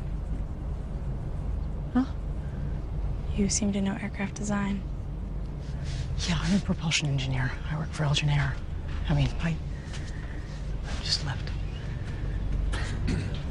Based in Berlin? Look, I know you're just trying to keep me calm. But the problem is not that I'm anxious. All right, the problem is that my daughter is missing, and nobody can tell me where the hell she is. Flightplan fra 2005 handler om en kvinne som nettopp har mistet mannen sin, og som derfor må fly fra Berlin til New York med kisten hans. I løpet av flyturen forsvinner datteren hennes på mystisk vis, og kvinnen, spilt av Jodie Foster, blir nødt til å lete over hele flyet etter henne. Og det er ikke akkurat et lite Widerøe-fly. Det er en dobbeltdekker Airbus, På godt norsk betyr det et veldig stort fly. Heldigvis har hun vært med på å designe og konstruere flyet, så hun kjenner alle dets hemmelige kriker og kroker. Hvorfor tenkte jeg at jeg ville få fred på et fly? Der var det jo bare masse drama og skrik. Og jeg som egentlig også har litt flyskrekk. Nei, jeg tror toget er mye bedre. De er miljøvennlige, og de holder seg som oftest på skinner.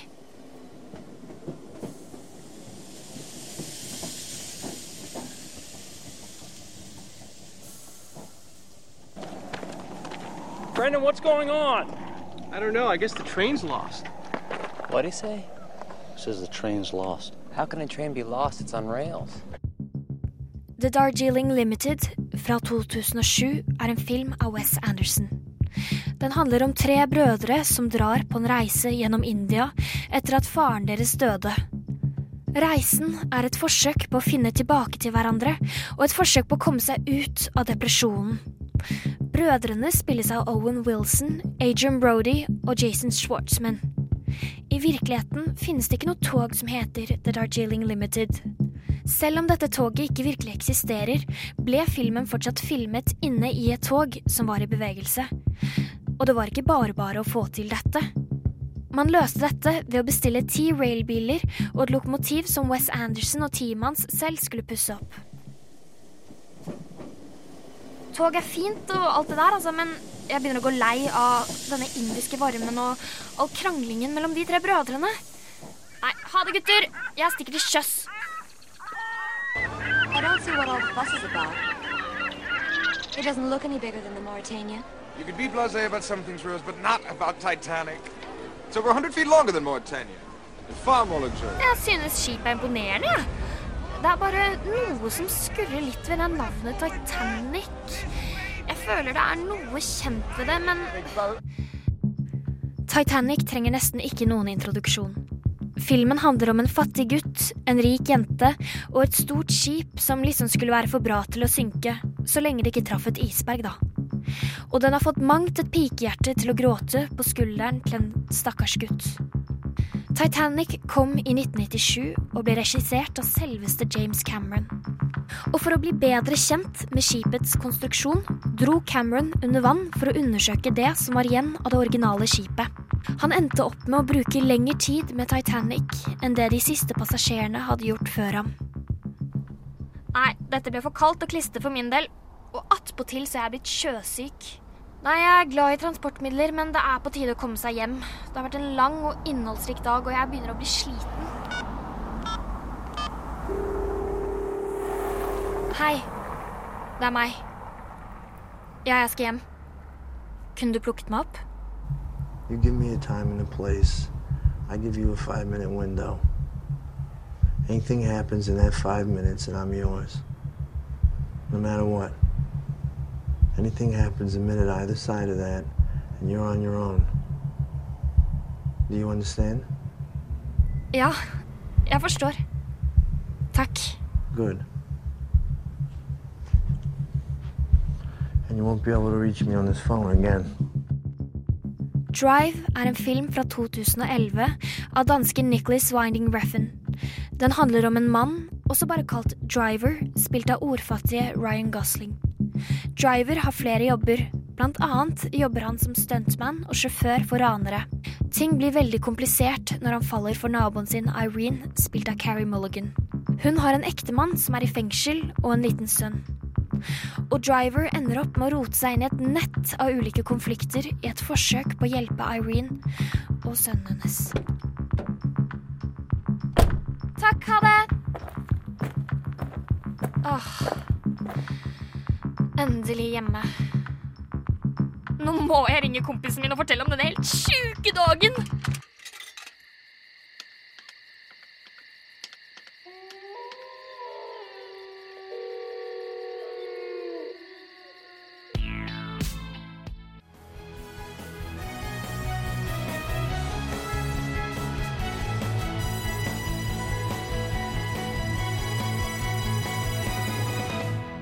Noir presenterer ukas kinopremierer. før det så hørte vi altså et innslag av Agnes Fasting. Og nå går vi videre til eh, flere kinopremierer, og da har vi fått besøk eh, av Adrian i studio. Hallo. Hei, Hei, Adrian. hei. Hva er det du har eh, sett for noe?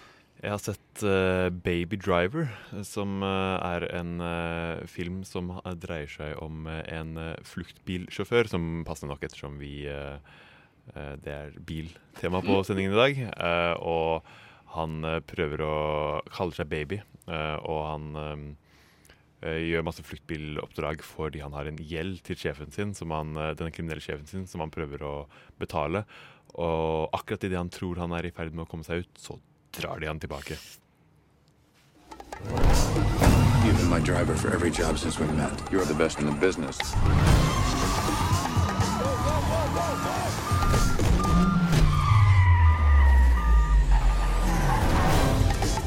You behind the wheel again. One more job and I'm done. One more job, and we're straight.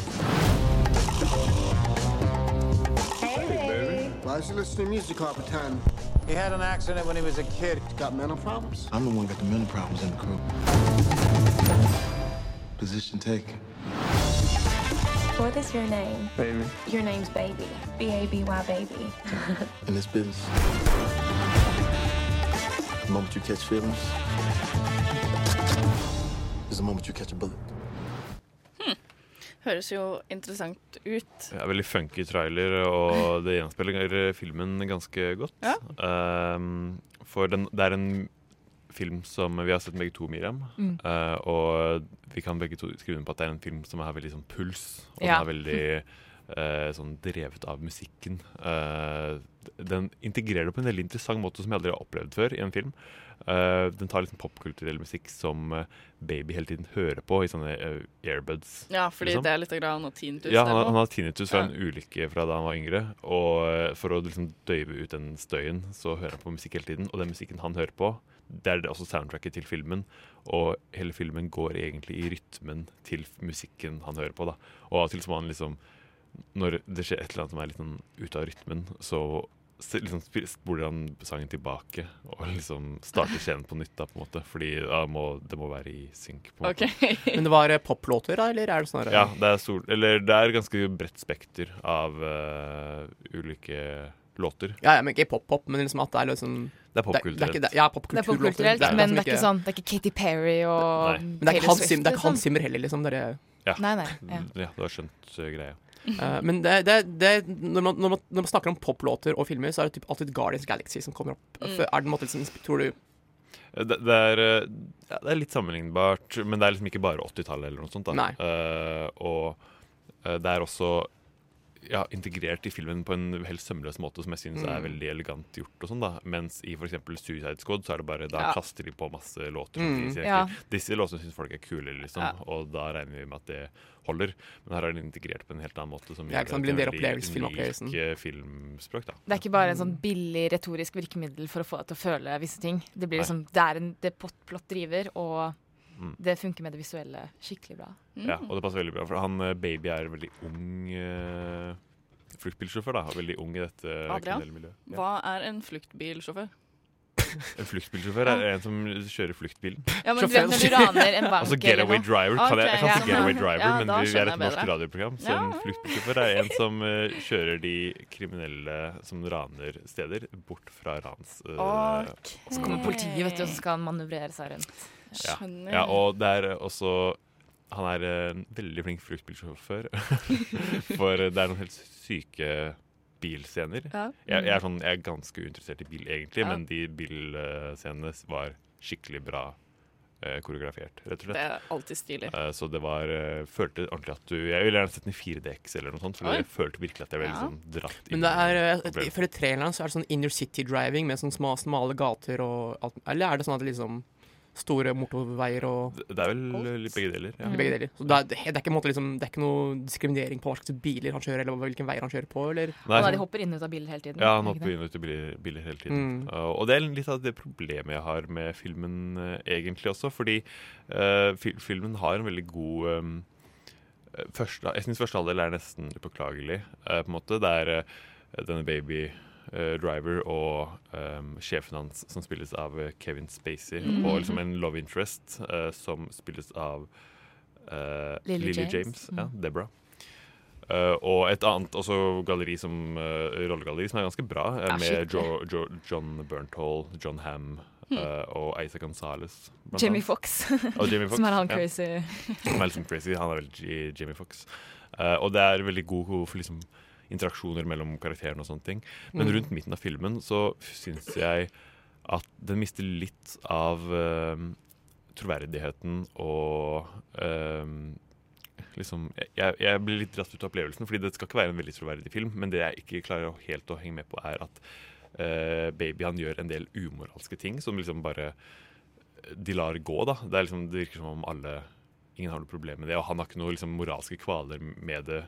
Eller de, de klarer de Ja, du mister tillit til helten, liksom? Jeg mister veldig tillit til helten. Og Deborah, den love interesten, han, hun har møtt han to ganger, og plutselig så ser hun han drepe masse folk, liksom. Og bare Å nei, jeg elsker han, liksom. Så den er- den er sånn Fordi de liker samme musikk. ja, fordi de liker samme musikk, så det, jeg, Ja. det blir, nesten antifeministisk. Det er en eller- eh, Edgar Wright-film, ikke sant? Ja, det er en Edgar Wright-film, Mm. og den har veldig Edgar Wright-touch, uh, liksom, Mm. uh, som er veldig bra. Han regisserte jo Cornetto-trilogien med Shaun of the Dead og Hot Fuzz og, Mm. og eh, At World's End, er det vel? Ja, Mm. World's End. Uh, yes. Så, ja, er du enig i den uh, kritikken holdt jeg jeg har mot filmen, Miriam? Ja, det er jeg enig i. Uh, det. men jeg så den jo litt som sånn eh, en sommerfilm. Ja. Så jeg uh, syns at det var veldig gøy, da. Og hele det med at hun Ja, med at han bare blir kjempeforelska i henne. At det er veldig sånn, noe veldig sånn innocent med det, kanskje. Jo, det var veldig søtt, det, men Det uh, hun, søtt, hun burde ikke bli uh, forelska tilbake når hun ser alt den dritten han gjør. Ja, men hun skjønner at han gjør det fordi han er under press, da. Han skal sitte og diskutere indre okay, livet til skuespilleren. det, det, det, er også, det, også en ting, da, fordi hun, det blir aldri forklart for henne ordentlig liksom, hva han egentlig driver med. Hun er bare liksom hodestups-forelska, så tar han Ja, alltid er forklarer Men uh, en ting jeg lurer på litt med det visuelle. For du har liksom Du har noen bilfilmer som fokuserer veldig på uh, liksom der overhead-bildet av byen de kjører, eller hvor bilen befinner seg, åssen bilen ser ut, åssen byen ser ut i forhold til Altså men den, du sa liksom, den tar litt av liksom alle bilveier og alle biltyper. Den, liksom, det er ikke noe For liksom, Du har liksom forskjell på liksom, Jason Bourne, da, hvor det en som kjører små bobler i små, trange veier. Og så har du Fast Furious og kun store biler og store veier. Og sånn. er ikke, er det, føler du at det er veldig spesifikk måte, liksom, Så det er ikke bilde noe- av bilene og bilkjøringen? Det er ikke så mye panoramabilder og uh, så mye sånn sportsbiler og sånne ting. Det er mm. mer Mm. sånn uh, jordnært vel, på, den, ja. på den måten, da. Så det handler mer om hans skill enn å være sånn Å, her er det masse kule Ja. biler. Det er mer sånn ikke tøff kjøring. Så du, du føler du, Det er veldig mannen i gata som kan noe jævla bra. Ja. Mm. Og eh, noe som jeg snakket noe som jeg syns var veldig positivt med filmen, er humoren. Eh, for jeg syns at humor ofte kan bli litt sånn Det kan bli litt simpelt i noen filmer. Mm. eh, mens Edgar Wright er veldig god på sånn visuell humor. da Mm. Og han tar det veldig med inn med musikken. Eh, ja, jeg vet ikke helt hvordan jeg skal forklare det, men ja, det er ikke, det er ikke sånn punchline-humor hvor liksom, nå kommer den store vitsen. Ja, nå er det en dialog som er morsom. Ja. eh, men det er liksom sånn Klippingen er så utrolig on point, og det gjør at det er kjempemorsomt. Veldig bra cinematografi og veldig bra klipping. Det er noen takes der som er veldig lange, som er eh, ordentlig bra utført. Så Mm. teknisk sett en upåklagelig laget film, altså. En ting jeg lurer på som kanskje ikke faktisk muligens er relevant i det hele tatt, men jeg vet at Baby Driver ble filmen Edgar Wright endte opp med å lage etter å ha blitt kasta av Antman-prosjektet. Det kan stemme. det var synd for Ja, Ant-Man. Så, ja, ja, sånn. men altså, Ant-Man altså, Han skrev Ant-Man, Marvel ville ikke lage den, og så går han rett på Baby Driver. Får dere noen måte liksom at liksom For en måte liksom, som en kreativ sjel som Edgar Wright skal være, så dere noe liksom Tror dere han har tatt med seg noe som kunne ha vært henta fra det som skulle vært Ant-Man? eller sånt, Eller er det absolutt helt Mm. egen greie? Føler, Mm. føler Jeg vet ikke, jeg syns Antman var veldig bland og kjedelig, så jeg, eh, har ikke, jeg husker ikke så mye av den, egentlig. Så hvis det er én ting Baby Driver ikke er, så er det kjedelig. Ja. Den er veldig Ja, gøy. Er absolutt- Kjempemorsom kan, å se Dere på. føler ikke noe som helst at det er noe i Baby Driver som er Nei, liksom jeg tror ikke det. Men uh, Baby Driver har jo nå tjent mer enn alle de andre Edgar Wright-filmene til sammen. Oi, Eh, til så sammen? var, Til eh, sammen, Ja. til sammen? Wow. Wow. Leste. Det er bra. Da får vi mer av Edgar Wright. i Ja. fremtiden. Eh, har du landa på noen eh, karakterer, Adrian?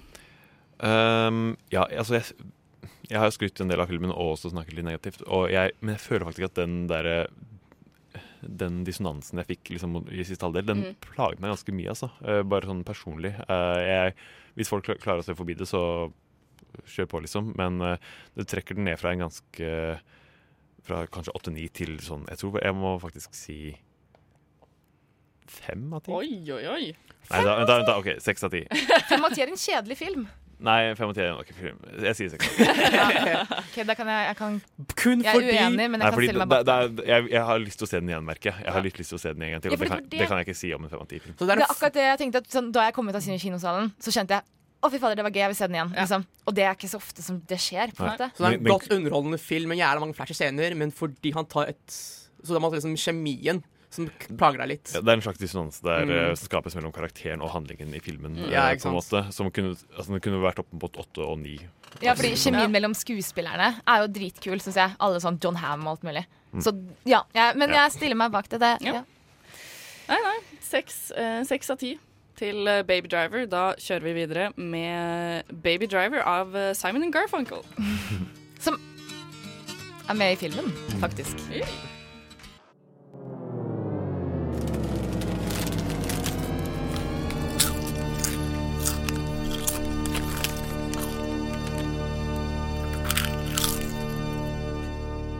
Ukas kinopremierer. Jeg glemmer alltid den. Ass. Eh, det var eh, altså Baby Driver av eh, Simon and Garfunkel. Og vi kjører videre, vi. Med Vi kjører! Å ja, fordi det er bil. Ja, Miriam, fordi det er bil. Med en siste kinopremiere. Jeg har nemlig vært og sett Lucky Logan, som handler om to hillbilly-brødre som prøver å utføre et heist under eh, en NASCAR-race. You were just fired. I was let go for liability reasons involving insurance. Charlotte Motor Speedway. I know how they move the money. The only guy who knows anything about blowing up real bank vaults is Joe Bang. I am incarcerated. Yeah, we got a plan to get you out. Yeah. Det høres jo ut som den er fun, da. Ja, det er litt sånn happy go lucky eh, heist-film, egentlig. Altså, det er jo uh, Channing Tatum og Adam Driver som spiller brødrene Logan. Um, begge er litt ah, Ikke dumme, på en måte, men sånn Simple. Ja. Litt sånn hillbilly, liksom. Uh, og de eh, Det er Channing Tatum spiller Jimmy Logan. eh, trenger penger for å eh, kjøpe, holdt på å si, eh, hyre advokat for å da, takle datteren, eller custody av datteren, da, Mm. fordi um, moren, som spilles av uh, Katie Holmes, uh, Mm. truer med å flytte lenger vekk, da, sånn at han ikke liksom, kan se henne real se Real life datteren. connections. Hæ? Er ikke det litt sånn real life connections? Er det det? Katie Holmes, Tom Cruise. Unger. Med unger og sånn. Ja, unger. Ja. uh, sånn at uh, Ja, han trenger advokat. Han har nettopp blitt sparket fra jobben sin fordi de fant ut at han hadde en, uh, en benskade, litt sånne ting. Så han trenger penger. Han er fattig. Um, så de bestemmer seg for å teame opp med, um, med Joe Bang, spilt av Daniel Craig, som da, som vi hørte på slutten av traileren her, sitter inne. Men de planlegger da også å bryte han ut av fengsel og inn igjen på én dag, sånn at de rekker å gjennomføre den uh, det heisen. Jeg vet ikke hva man kaller det på norsk. Bankranet? Ja, ran. ranet, bare, egentlig. Ja. Um, som uh, Jimmy har vært med å jobbe, jobbe på, for han var um, anleggsarbeider. Hva er det det? Sånn Bygning, bygningsarbeider. mm, på NASCAR-banen. På NASCAR-banen. Mm. uh, så han vet hvor de, hvordan de eh, flytter pengene, bla, bla. Liksom, vi har sånn inside information, da. Er det litt sånn Oceans 11-følelse? Det er jo det. Um, og Er halve filmen at de går rundt og rekrutterer hverandre, liksom? Altså sånn Nei, men sånn, det får jo på en måte følelsen av det, og det, Det er er, jo den samme samme Mm. Oh. uh, som har lagd både Oceans 11 Ja. og uh, 12 og 13. Altså uh, Steven Soderberg. Mm. Uh, og det er en veldig typisk eh, bankranfilm, egentlig. Uh, men den var så innmari morsom. Jeg likte den kjempegodt. Uh, Channing Tatum spiller utrolig bra. Uh, kjemien mellom ham og eh, Adam Driver er bare helt Og med Daniel Craig også, som hvis, man, hvis dere har sett traileren uh, eller bilder eller noe, har han helt sånn bleka Ja. platina-hår sånn skikkelig buff med sånn masse stygge tatoveringer og skikkelig sånn sørstatsaksent. det var innmari morsomt. Det var veldig gøy. Det kan jeg se for meg, at kjemien mellom de er bra. Jeg kan se om De har liksom samme skuespillerstil, ish, litt. Og sånn der, jeg blir så glad når jeg ser Channing Tatum bli- bli uppe gamet litt. da, mm. Gå Mm. fra en sånn her romantisk komedie, mm, flirty boy, til Mm. å liksom bli mer og mer seriøs skuespiller. Litt sånn DiCaprio-rollen. Ja, og bare sånn, Samme med Matthew McConaughey også. Mm. For så vidt, Det blir liksom den samme sånn reisen. Jeg syns det er så innmari, innmari gøy. Mm. Jeg blir så glad. Følte du at den var noe sånn Når man tenker på sånn heist- eller ranfilmer, da. Følte du at den bringte noe nytt? Eh, eller bare at den holdt opp den adrenalinrushet? At det var liksom en entertainmentfilm? Ja. Eh, jeg hadde Man har jo på en måte sett, sett det før. Um, så, men den gjorde det innmari bra, da. Den holdt seg til den sjangeren Mm. eh, veldig bra. Um, uten å bringe noe så veldig nytt eh, til eh, bordet, men veldig sånn klassisk uh, heistfilm. Altså, vi, vi får noe vi allerede liker. Ja, eh, og det var veldig, veldig gøy.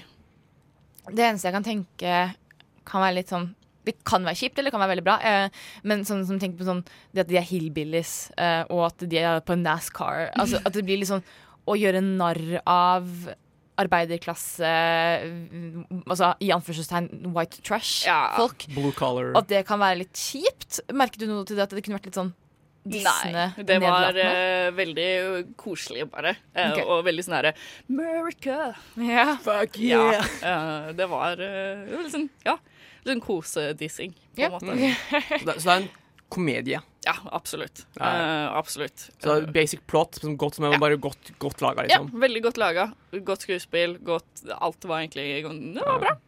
Så jeg koste meg eh, faktisk Hvem, veldig. hvem er filmen for? Filmen er vel Oi, det har veldig sånn for alle, egentlig.